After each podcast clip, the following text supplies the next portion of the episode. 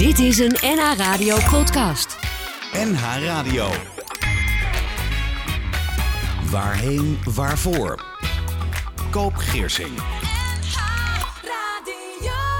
De herinneringen aan onze levenservaringen zijn als golven van de zee.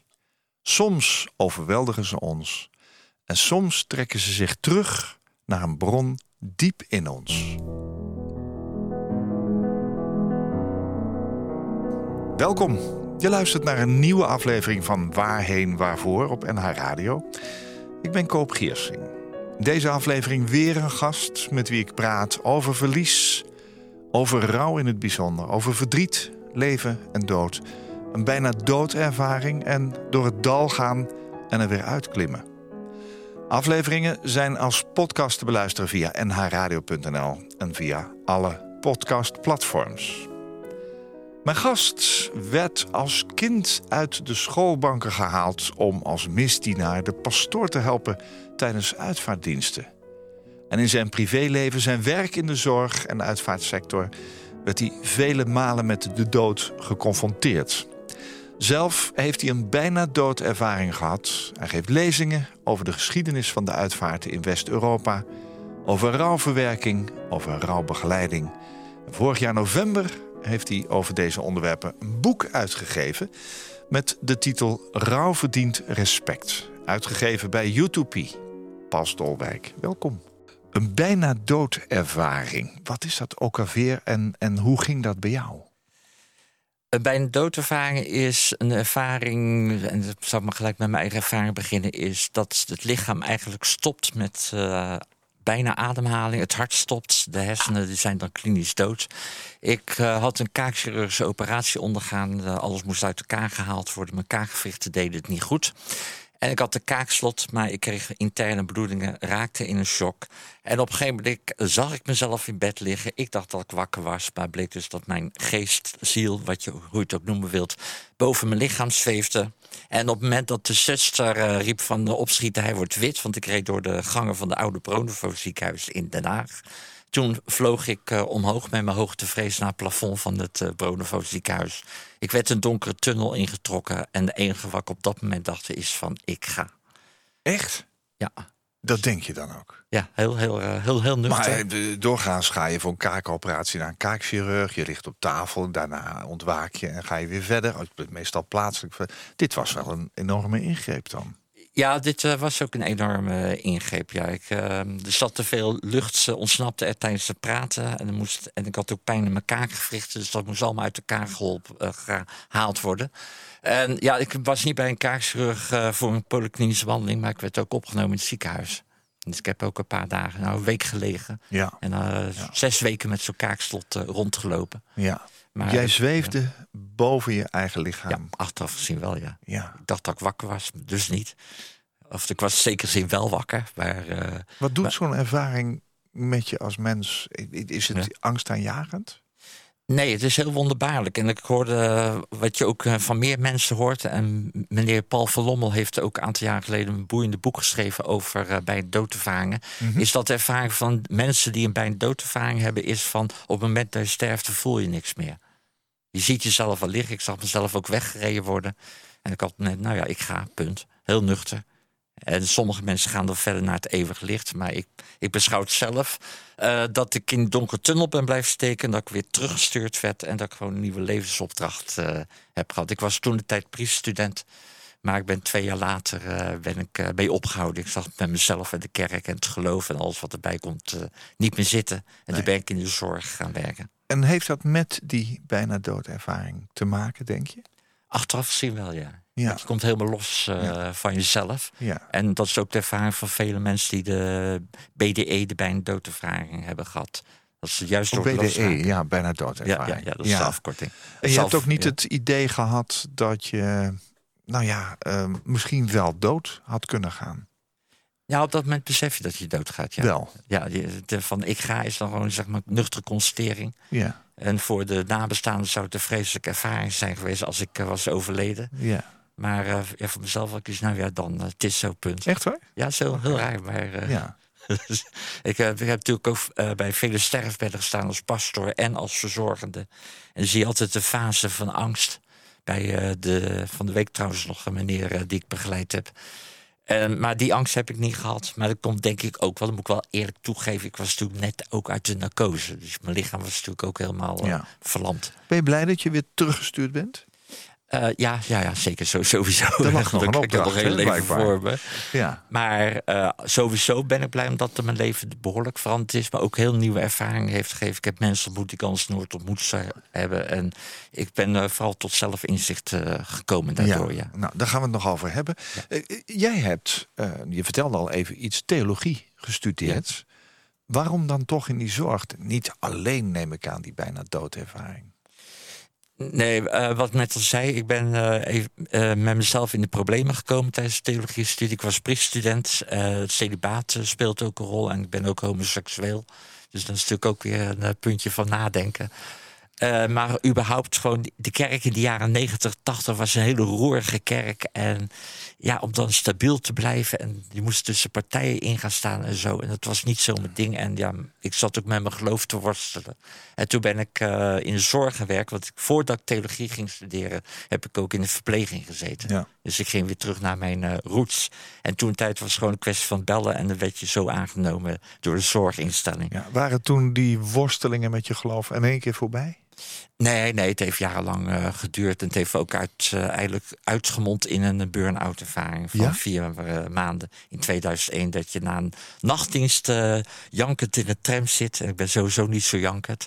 Maar dan s ochtends om half acht jankend in de tram zit. Dat ik iets van nee, dat is niet goed. En ik heb luguberig geluk gehad dat in dat jaar of twee dagen na de ziekmelding Herman Brood een, zijn leven beëindigd heeft op een niet zo leuke manier. En, maar op dat moment raakte, toen ik het hoorde op de radio, uh, raakte ik uit mijn emotionele, lichamelijke, geestelijke verdoving. Ik was gewoon een soort zombie die in de stoel zat. Van nou ja, ik, uh, je weet gewoon, je voelt jezelf niet meer. Maar op dat moment voelde ik mezelf weer. En toen heb ik op de muur een tekst geschreven van Herman is dood, ik leef. En toen is dat een beetje gaan omdraaien. Dus de dood van Herman Brood heeft jou ook weer omgedraaid. Ja ik voelde op dat moment van, oh, ik, ga ik ook die kant op. Van een totaal, zo ben ik ook. Ik kan heel diep gaan, ook in negatieve emoties. Maar op een gegeven moment kom ik op de bodem van mezelf. En dan uh, sleur ik mezelf bij de nekhaar en zeg van... nou, Stol, uh, wat ga je doen? Of ook, dat, of dit. Dus je, je, je had voor ook het, leven. Uh, het voorbeeld van Herman Brood kunnen volgen, begrijp Had ik. ik kunnen doen, ja. Ja. Dat is zeker waar. maar ik heb me twee maanden opgesloten. Niet bij mijn ouders geweest. Dat is ook heel wat om dat te doen. Maar de worstelingen zijn gebleven. En ik ben, heb me toen na twee maanden ook gedwongen iedere dag een half uur naar buiten te gaan. En op een gegeven moment fietste ik door een prachtig landschap op een vroege herfstmorgen. En ik voelde me zo één met mezelf en het universum. En vanaf dat moment had ik echt de kracht van wat er ook gebeurt, ik kom er doorheen. Ja. ja. Alle worstelingen. Dat heb je ook zelf gedaan dan? Ja, klopt. Ik heb wel hulp gehad van een psycholoog, maar na twee sessies uh, viel ze in slaap. En ik was toen nog niet zo'n opwindend persoon zoals ik nu ben misschien, maar, maar in ieder geval... Uh, je straalt toen... helemaal. ja, heel mooi. Ja. en, Wat was de grootste worsteling uh, met het geloof? Je, je homoseksualiteit? Niet zozeer. Het heeft te maken met wat is de kern van het geloof en de vormgeving van het geloof. Dus kern van mijn geloof is de relatie met God. Is die er nog? Ja, meer en meer. Zeker. Ik uh, ga nu zeker weer regelmatig naar de kerk. Dat wel? Ja, dat zeker wel. En uh, wat het mooiste is, ik uh, ben dus ook uitvaartpastor... en ik heb heel veel te maken gehad met niet-kerkelijke nabestaanden... die iets voor hun moeder, die vroeger katholiek was... toch een religieus ritueel wilde. En waar je met niet-kerkelijke nabestaanden over spreekt... is toch wel van leven na de dood... Um, contact met de geest van de doden. Ze hebben ervaringen waarvan, waaruit blijkt dat er nog contact is tussen de geest van de doden met de nabestaanden. En wat ik ook van vooral niet-kerkelijke mensen heb geleerd, van met jezelf in balans komen. En dat heb ik dus ook in die jaren, in die worstelingen ook toegepast. Waarom moest je dat leren? Um, je was niet in balans, dat, blijkbaar. Ja, ik, denk, ik denk uh, achteraf gezien zou ik kunnen zeggen... als je gelooft, dat is tenminste het gevaar van... Ik kom uit een rooms-katholiek milieu. Ik was altijd mis na koorzanger, kortsteek, deed alles. Hek, hekwerk voor de kerk schilderen. Maar het was ook iets van, ja, de pastoor weet het allemaal. En op een gegeven moment heb ik geleerd om zelf na te denken. En dan weet je het dus niet meer. Zeg maar van wie stelt de wet voor je leven? Doet de kerk dat, met alle respect? Of eh, doe ik dat? En nu kijk ik wel tegenaan. Als ik het heb over kerk, heb ik het over al die miljoenen mensen die, ondanks de worstelingen, hun hoop stellen op uh, God. Uh, een van de kernteksten uit de Bijbel is Psalm 51. Daarin staat: Een gebroken hart en een vermorzelde geest zult gij God niet als te gering zien.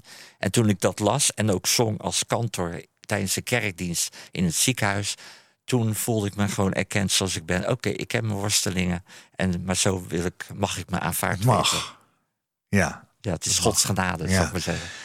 Toen ik jou vroeg, eh, hoe kan ik je het beste introduceren? Toen zette je daar dat tekstje ook in dat je als, als kind, hè, als, als schoolgaand kind al uit de klas werd gehaald om eh, de pastor te helpen bij de uitvaartmis. Het is, zit er van jongst af aan ook in, zo'n relatie met een, met een pastoor. Hè? Ja, ja, klopt. Ja, en dat heb je nu losgelaten omdat je meer naar God bent gaan kijken. Ehm, ja, ik heb in een zin losgelaten. eh, om naar God te kijken, ja, ehm, daar ben ik nogal voorzichtig in. Ik ben niet zo'n christen die zo'n hotline met God heeft... zoals bij sommige medebroeders en zusters eh, hoort. Eh, maar vooral de kwetsbaarheid. Eh, een priester is theoretisch gezien de alte Christo. Dus eh, door de wijding wordt een stuk persoonlijkheid veranderd in Christus, om het zo uit te drukken. Maar ik vind dat een pastoor voorganger is in de kwetsbaarheid van de mens. Het verdriet, de tegenslagen en de verwondingen en de pijn die iedereen van ons heeft. Ik ook. En ook in navolging van het kruis van Christus. Eh, ook die ons voorgegaan is in het verdragen van de kwetsbaarheid van de mensen. Mensen heeft genezen. En Jezus betekent ook hij die bevrijdt. En in zekere zin bevrijdt hij mij hoe niet dat ik van alle ellende af ben, maar wel dat je op een gegeven moment een beetje afstand kan nemen. En voor jezelf gaat overwegen van laat ik me door alle ellende overheersen of ga ik keuzes maken. Hoe Ja. ga ik met mezelf om? Heb jij jezelf bevrijd ook? In Eh, zekere zin? Ik ben bevrijd geworden. Eh, dus, eh, Je hebt zelf aanleiding gegeven. Ja, en wat wij als, eh, ja, tenminste als mijn persoon, door de kwetsbaarheid, laat ik het even anders zeggen, eh, weet je dat je maar een stofje bent in het heelal, in het universum. En zoals Louise Hay in haar boek Je kunt je leven helen, dat is een boek dat bij mij heel veel invloed heeft gehad. Die stelt ook van, eigenlijk heb je als mens niet zoveel te vertellen. Je kan kiezen, maar de keuze is van eh, kiezen om je open te stellen voor het universum, alles wat het universum geeft, de ervaringen die je krijgt. eh, hoe ga je daarmee om? Jij geeft wel stof tot nadenken bij mij. Oh. Het universum, het is nogal groots. Ja, is heel groot. En Ja. daarom ben ik ook bewust van hoe kwetsbaar ik ben, maar ook van hoe mooi, hoe dankbaar ik mag zijn dat ik leef, dat ik vandaag met jou in de studio zit. Ja. En met Marcel hier in Amsterdam. Naar, eh, hè? Wij zijn ook dankbaar dat jij er bent. Paul Stolwijk, mijn gast in deze aflevering van Waarheen Waarvoor. Hij werd in zijn persoonlijk leven, in zijn werk, in de ouderenzorg en in de uitvaartsector vele malen met sterven en dood geconfronteerd. Daar gaan we het vandaag over hebben. Heeft zelf een bijna doodervaring gehad en hij schreef het boek Rouw verdient respect, uitgegeven bij U2P, waarbij hij de lezer meeneemt in zijn zoektocht naar antwoord op de vragen: hoe ga ik om met ervaringen van verlies en is er een juiste manier van rouwen?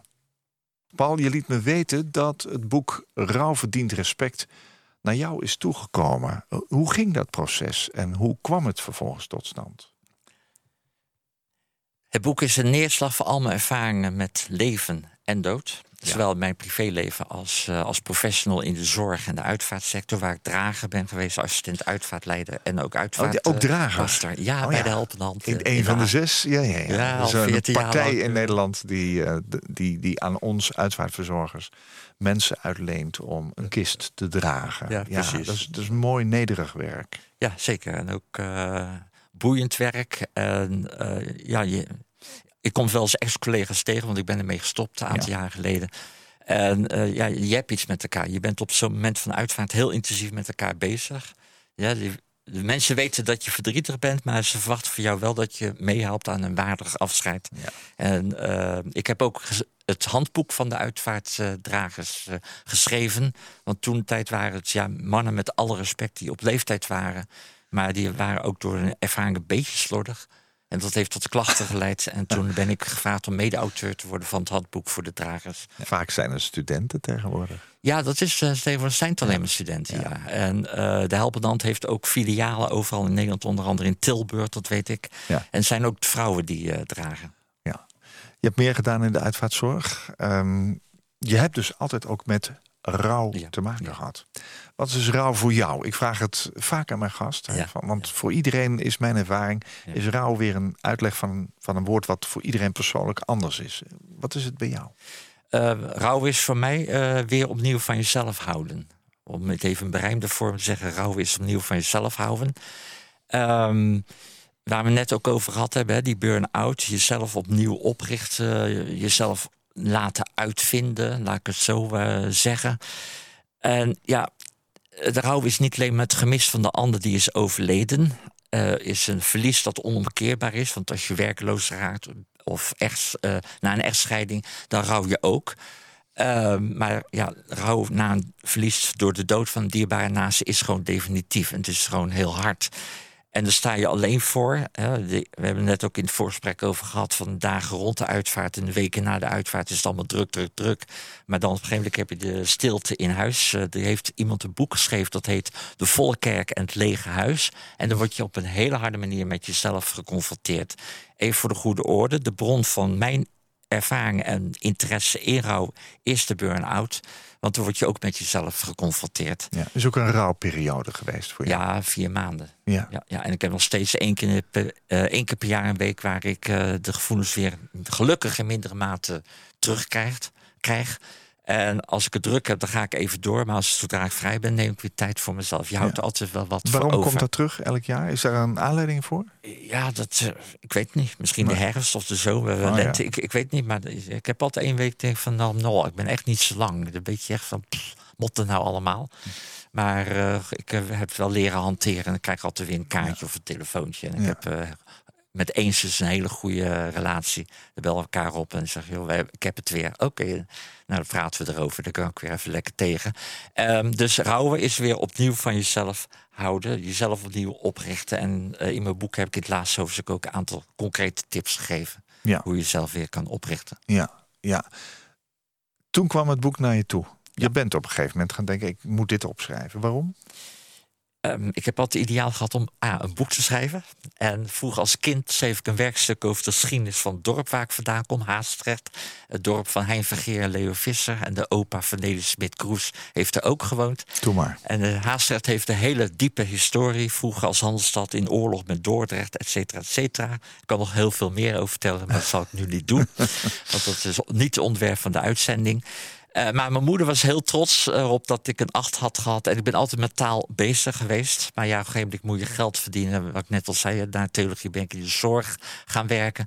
En uh, als pastor ben ik, heb ik mijn schrijftalent ook weer ontdekt. Want ik verwoord de emoties van de nabestaanden. Niet alleen van de emoties die geuit worden, maar vooral goed luisteren, goed kijken, goed voelen. En dan de emoties wat ze niet uit onder woorden brengen. En ja, de afgelopen coronajaren had ik niet zoveel te doen. Ook omdat ik een luchtwegpatiënt ben geworden door de mondkapjes in combinatie met hooikoorts. Nou. Dus ik moest even heel erg uitkijken. En toen dacht ik van gut, ik ga een boek schrijven. En je bent gewoon begonnen? Ik ben gewoon begonnen. Ja, wat wil je met het boek bereiken?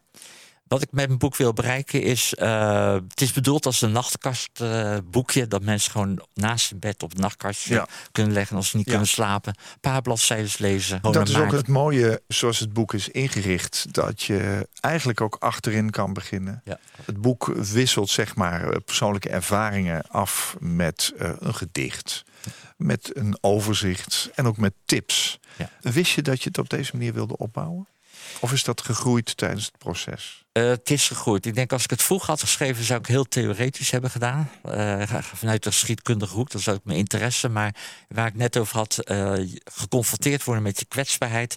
Het heel goed aanvoelen van de ander, dus ook van Ja. de lezer. Ik denk, waar, wat heeft de lezer eraan? En ook vanuit de workshops die ik geef. Ik vraag ook altijd bij de workshops, hebben jullie er wat aan? Ben ik helder? Herkennen jullie de situatie? Ik geef ook heel veel praktijkvoorbeelden. Ja. Ik kijk en luister ook heel goed of ze nog erbij zitten. Want ik weet voor mezelf, ik kan voor mezelf heel interessant uh, praten over dit onderwerp. Want ondertussen is het publiek alweer naar bed gegaan. Bij dat heb je aan de psycholoog ook gezien, begrijp ik.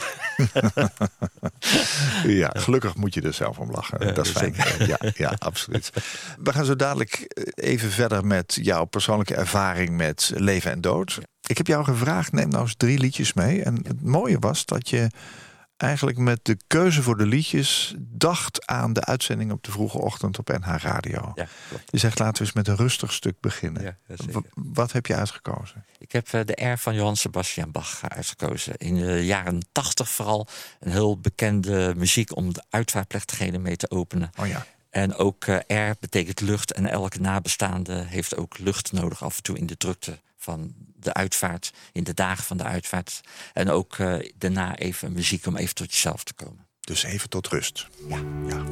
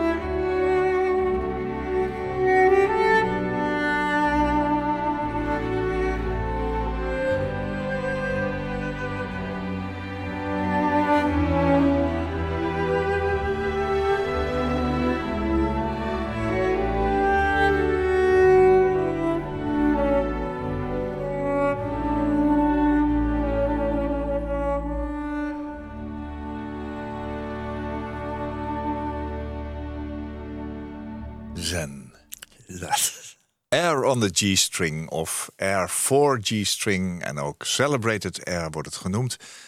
Het is uh, August Wilhelms arrangement van Johann Sebastian Bach. Orkestsuite nummer 3 in D majeur. Zo heet hij officieel. Hier gespeeld door het London Symphony Orchestra met als solist uh, Hauser. En die staat bekend onder die naam, de Kroatische cellist.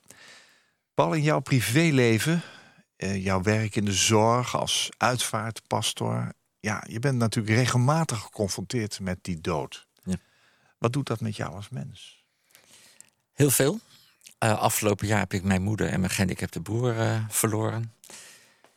Um, ja, goed, mijn vader in 2008. En ik heb natuurlijk ook honderden mensen verzorgd en zien sterven. Ieder sterft op zijn of haar eigen manier. Ben je ook bij het sterven van je moeder geweest? Ja, ja, ja, ja. Althans, ik heb voor, samen met mijn broer en zus, ik ben een van de negen. En er is al een zus overleden in 2013. Die nare ziekte kanker. Ja. Uh, hebben we moeders uh, nagelopen totdat ze opgenomen werd in een uh, verpleeghuis in Kamerik, waar ze uitstekend werd verzorgd. Ehm, bij de sterf zelf ben ik niet geweest, bij mijn andere zus was erbij. En ja, wat het mij doet, ja, ik ben dus nu zelf een beetje emotioneel omdat ik alles weer herbeleef, dat is ook weer rouwen natuurlijk, is ja, eigenlijk dankbare herinneringen. En ja, mijn moeder was de laatst levende ouder. Dus je voel je ook kwetsbaar in het leven. Je moet jezelf, hè, je voel je even kind dat weer opnieuw in het leven moet stappen. En ja, en ook van mijn gehandicapte broer was heel emotioneel, ook omdat hij kanker is overleden en ja, niet altijd beseft of wilde beseffen dat hij dood is gegaan. echt dat is het uh, zwaarste geweest de afgelopen tijd. En bij al met al kan ik zeggen dat enerzijds uh, door de confrontatie met de dood, je, uh, ik geconfronteerd ben met de eindigheid van mijn leven. En hoewel ik dan bij een doodervaring heb gehad, wil ik dat eindigheid uh, niet bagatelliseren. Uh, ik ben zelf niet dood voor de, bang voor de dood, maar wel voor het sterven. Want het heeft met zintuigelijke waarneming te maken. En de pijn, maar gelukkig hoeft dat tegenwoordig niet meer. door morfine toediening, et cetera. En ja, ik heb ook zoiets van, ik leef in het hier en nu dat is voor mij het uh, belangrijkste. Ik was vroeger eigenlijk een kind, hè, als uh, ik wil priester worden, zag ik zelf op het altaar staan en voor de mensen popiopisch zijn, et cetera, et cetera. Maar enige ijdelheid. Ja, behoorlijk. Ja. ja, daar ben ik gewoon eerlijk in. Ja, en ook uh, enige arrogantie. Ik was vroeger ook best wel arrogant bedweter. En dat is helemaal veranderd in nieuwsgierigheid, openstaan voor de ander. Ja, ja. Dus ja. dat doet er mij. Je hebt net even het woord herbeleven genoemd. Hè? Uh, je, je, herbeleeft eigenlijk je kind zijn, hè? hoe oud je ook bent. Ja. Jij bent van 1962. Dat herbeleven, hoe belangrijk is dat? Want dat is ook een thema in jouw boek Rouw verdient respect. Ja, klopt. Um, ik heb uh, herbeleven centraal thema genomen, omdat ik dus in de zorg met name dementerende ouderen werk. En als je dan een vrouw op zeer hoge leeftijd die eigenlijk nooit wat zegt, of alleen maar schreeuwt, op een gegeven moment de naam van haar man uh, hoort noemen, dan uh, ja, toen ben ik begonnen met nadenken van hé, hey, de rouw houdt kennelijk nooit op. We hebben tot nu toe eigenlijk altijd al gedacht. Dat was een dementerende mevrouw. Een dementerende mevrouw, ja, ja, ja inderdaad. Uh, we hebben tot nu toe altijd al gedacht dat rouw, uh, als je maar bepaalde fases doorloopt of bepaalde taken verricht, dat dat afgelopen is met rouw. Maar dat gaat alsmaar door. En misschien even een heel concreet voorbeeld uit mijn leven. Dat kan ik nog duidelijker maken. Ik heb in de thuiszorg gewerkt en ik reed met de auto van de zaak door de wijk. Op een gegeven moment dreigde er een pizzacourier op de motorkap te belanden door zijn uh, onvoorzichtigheid. Maar je had toen geen elektrische scooters, maar benzinescooters. En op het moment dat ik eigenlijk onwelvoegelijke woorden wilde uit het raam wilde slingeren, uh, rook ik de geur van benzine. En op hetzelfde moment zag ik mezelf terug als kind van 12 jaar die met zijn vader op zondagmiddag met de motorboot uit ging varen. Want toen rook je ook ja, benzine. Oh, ja, en toen beleefde ik, herbeleefde ik eigenlijk een stuk jeugd. En toen ben ik ook, uh, ja, achteraf dan natuurlijk, want ik moest toen door met mijn avonddienst. Ga je toch denken van, hé, hey, ik was toen kind, hoe keek ik tegen mezelf aan? Nou, arrogant, bedweterig, een beetje door de roze bril van het leven kijken.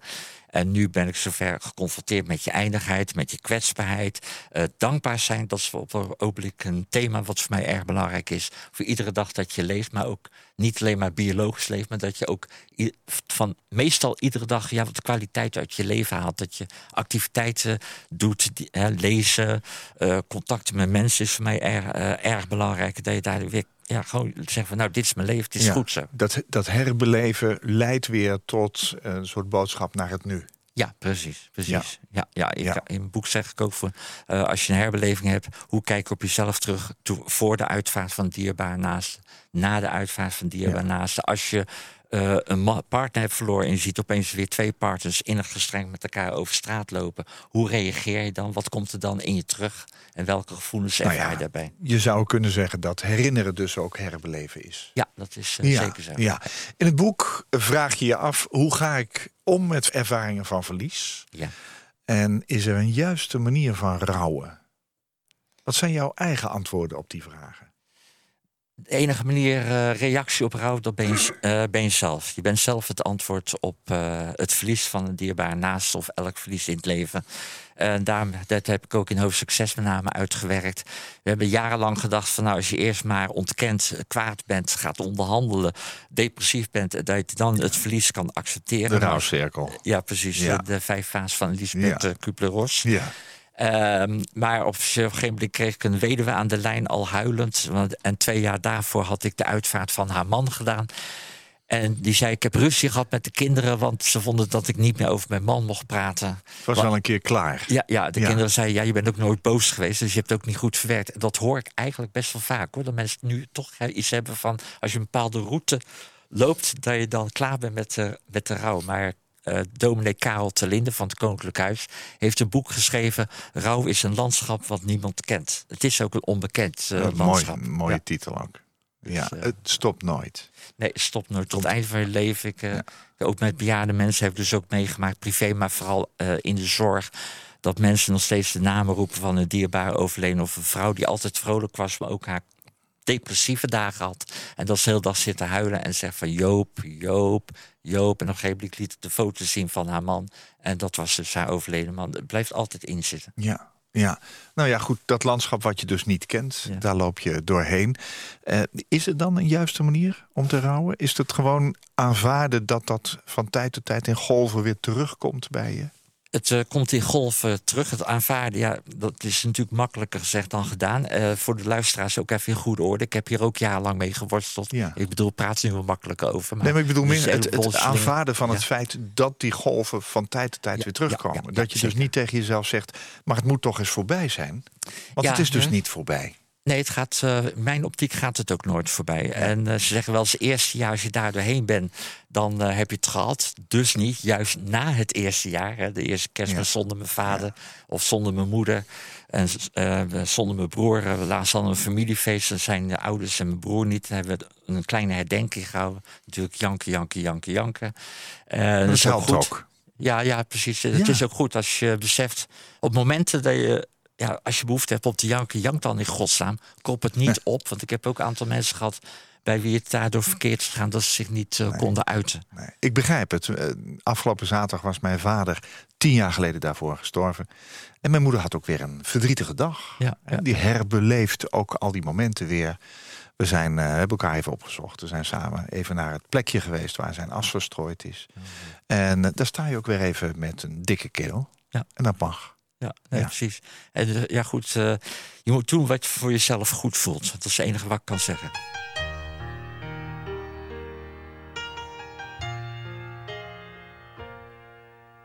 De wereld is zo anders nu jij hier bent verdwenen. De straat is nu zo somber. Wie had dit kunnen denken?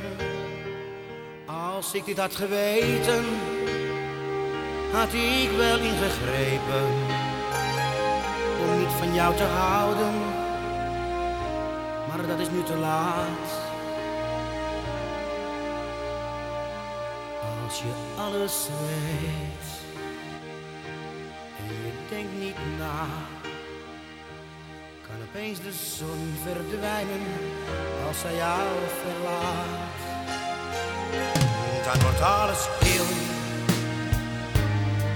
voelt je leeg. Ja, dan wordt het koud, want jij moet nu alleen meer leven.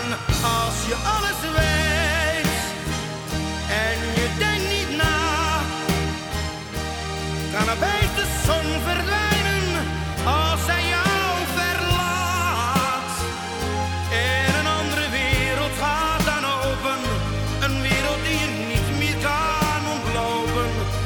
dan is het te laat.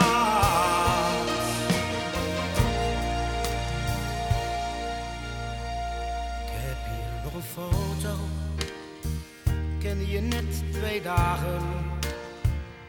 Je vroeg mag ik hier blijven, dat hoefde jij me niet te vragen. Het kwam niet bij me op dat jij weer zou verdwijnen. En vanaf dat moment niet meer zou schijnen. Als je alles weet en je denkt na,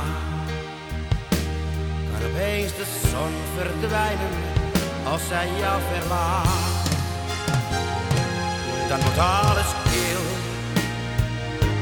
en je voelt je leeg. Ja, dan wordt het koud, want jij moet nu je alles weet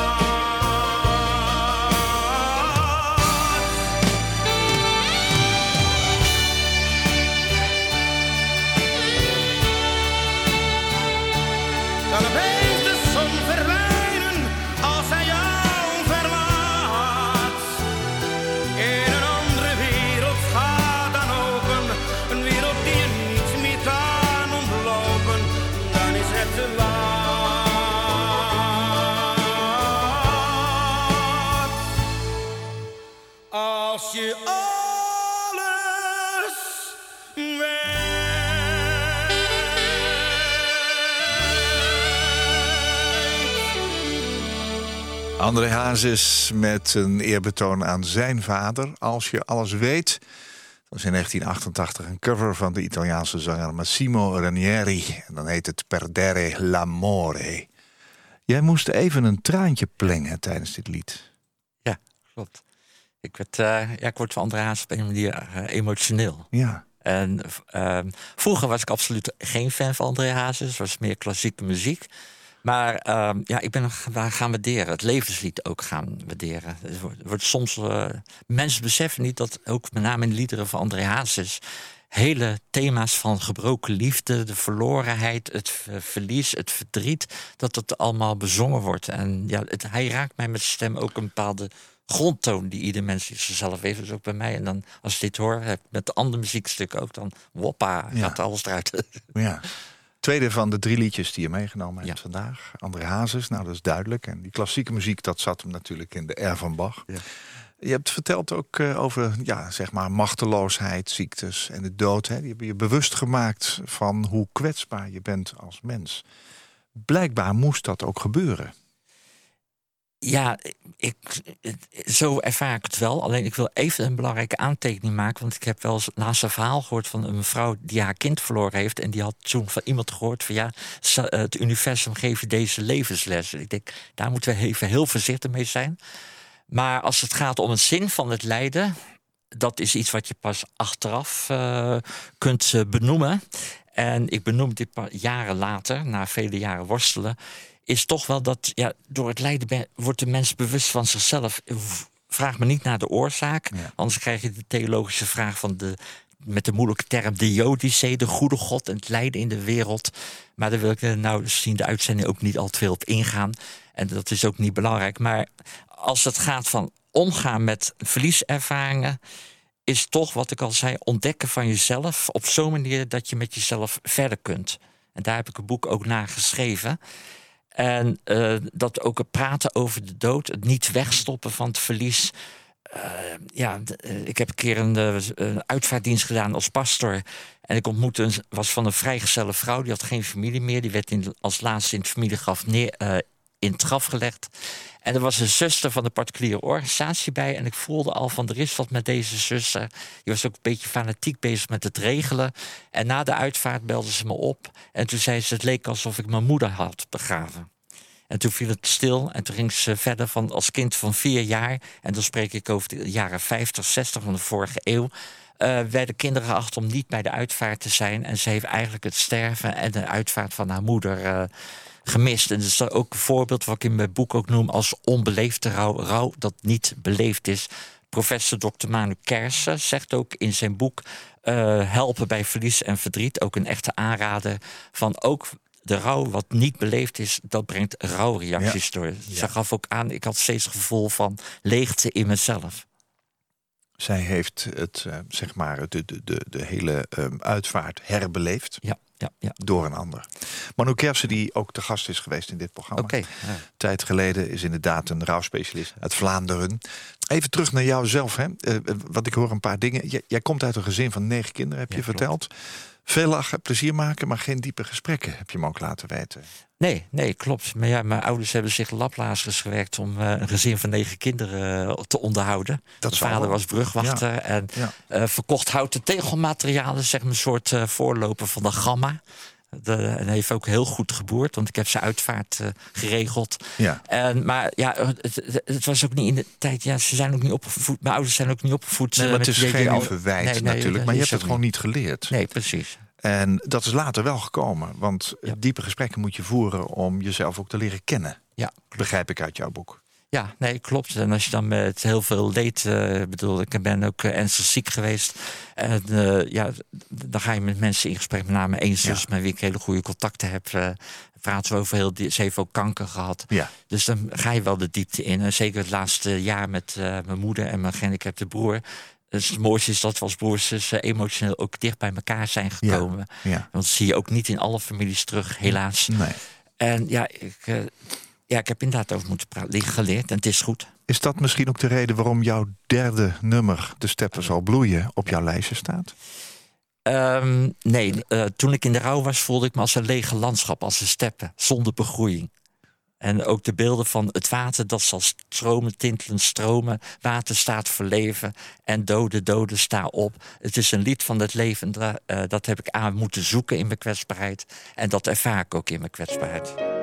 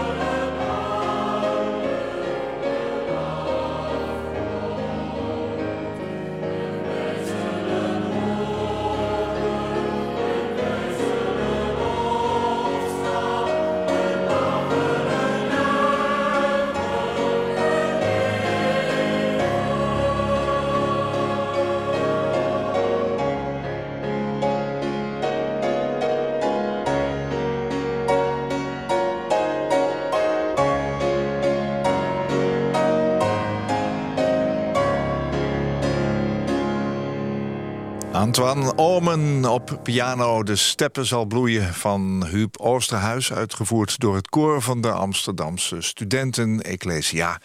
Jouw derde liedje. Ja. En daarmee is deze aflevering ook weer voorbij, Paul. Fijn dat je er was. Ja, dank wel.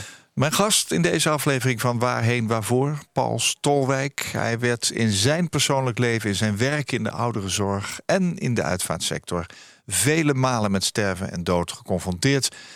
Zelf heeft hij een bijna doodervaring gehad en in zijn boek Rouw verdient respect, uitgegeven bij Utopie, neemt Paul de lezer mee in zijn zoektocht naar antwoord op de vragen: hoe ga ik om met ervaringen van verlies en is er een juiste manier van rouwen? Het is een boek wat je van achter naar voren en van voor naar achter kunt lezen en eh, wat je op je nachtkastje kunt leggen. Rouw gaat nooit voorbij, hè? Nee, zeker. gaat nooit voorbij. Door zijn jarenlange ervaring in het verzorgen van dementerende ouderen ontdekte Paul de rol van de herbeleving in de rouwverwerking. Door de herbeleving van verlieservaringen houdt rouwen dus nooit op. En door bewust herbeleven van zijn eigen verlieservaringen heeft Paul zijn zelfrespect hervonden. En heeft hij respect voor andere mensen die worstelen met ervaringen van verlies. En daarom verdient rouw respect. Paul, dank voor het feit dat je hier wilde zijn. Ja, dank wel. En eh, voor je boek en voor je hulp aan anderen. Koop Geersing. Als jij een keer te gast wilt zijn in Waarheen Waarvoor om te vertellen over jouw levensreis, laat me dat dan weten via waarheenwaarvoor.nhradio.nl. Waarheenwaarvoor.nhradio.nl. Dit was een NH Radio podcast. Voor meer, ga naar nhradio.nl. Radio.